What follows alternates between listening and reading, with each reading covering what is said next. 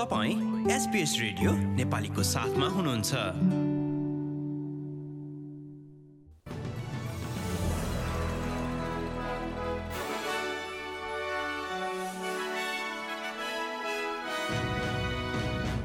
नमस्कार आज सन् दुई हजार बाइस सेप्टेम्बर महिनाको छ तारिक र दिन मङ्गलबार। आजको प्रमुख समाचारमा अस्ट्रेलियामा ब्याज दर सात वर्ष यताकै सबैभन्दा उच्च।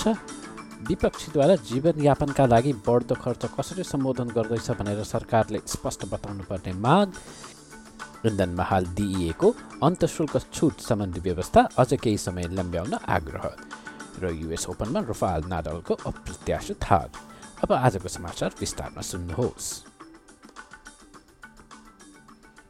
रिजर्भ ब्याङ्कले लगातार पाँचौँ महिना ब्याज दर बढाएको छ।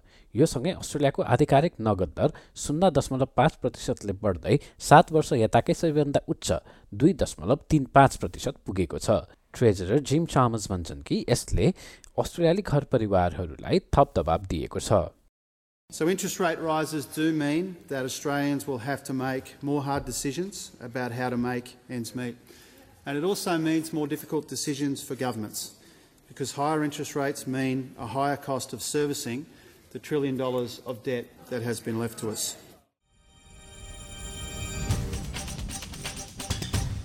सङ्घीय विपक्षी नेता पिटर डटनले जीवनयापनको लागत घटाउने आफ्नो योजनाको एल्बनेजी सरकारले व्याख्या गर्नुपर्ने बताएका छन् डटन भन्छन् कि सरकारले बिजुलीको बिल घटाउन बारम्बार गरेका बाचाहरू पूरा गर्न आवश्यक छ People voted for this government on the basis that they would reduce their power prices by $275. That was the solemn commitment the Prime Minister gave to the Australian public. And he spoke about it, as I say, he and the Labor Party on 97 occasions before the election.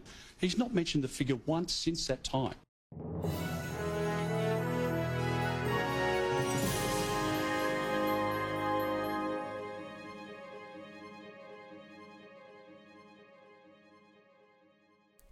उता स्वतन्त्र senator David पोककले इन्धनको अन्तशुल्क कटौतीलाई विस्तार गर्न आह्वान गरेका छन्। सङ्घीय सरकारले बजेटमा परेको दबावका कारण उक्त छुट ल्याम्ब्याउन नसकिने बताउँदै आएको छ। इन्धन अन्तशुल्कमा मोरिसन सरकारले चुनावअघि लागू गरेको अस्थायी बाइस प्रतिशत कटौतीको म्याद यो महिनाको अन्त्यमा सकिँदैछ। सेनेटर पोकक भन्छन् कि जीवनयापनको लागतसँग सङ्घर्ष गरिरहेका मानिसहरूलाई मद्दत गर्न कटौतीलाई विस्तार गरिनु पर्दछ Coming to an end. It's a pretty blunt way to provide savings. Uh, I certainly don't need uh, a discount on my fuel, but there's a lot of people who do.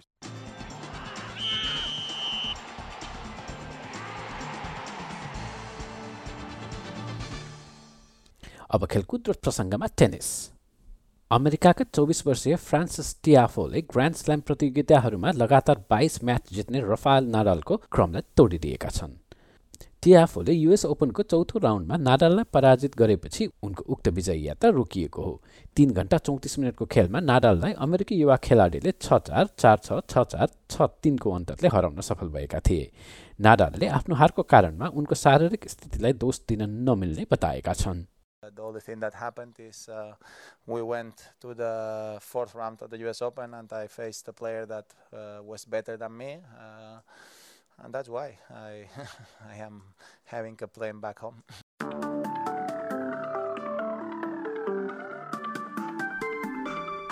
अब पालो भएको छ SBS Nepali समाचारमा। भोलि सात September बुधबारको मौसमी विवरणबारे जानकारी लिने र पानी पर्न सक्ने पर्थमा अधिकतम उन्नाइस डिग्री एडलेडमा भारी वर्षा र अठार मेलबर्नमा प्राय घाम लाग्ने र बिस डिग्री होबार्टमा केही बादल देखा पर्ने र पन्ध्र क्यानबेरामा अधिकतम सोह्र डिग्री र बदली वलङ्गङमा वर्षा र सत्र सिडनीमा पनि पानी पर्न सक्ने र उन्नाइस डिग्री न्यू कासलमा प्राय निलो आकाश र बिस डिग्री ब्रिस्बेनमा बाइस केन्समा अठाइस अनि अस्ट्रेलियाको सबैभन्दा उत्तरको सहर डाबिनमा बत्तिस डिग्री अधिकतम प्राय खुल्ला आकाश।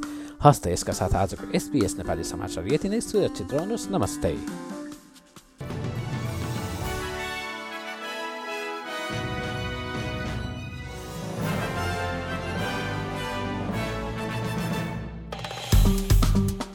लाइक सेयर र कमेन्ट गर्नुहोस्। एसपिएस नेपालीलाई फेसबुकमा साथ दिनुहोस्।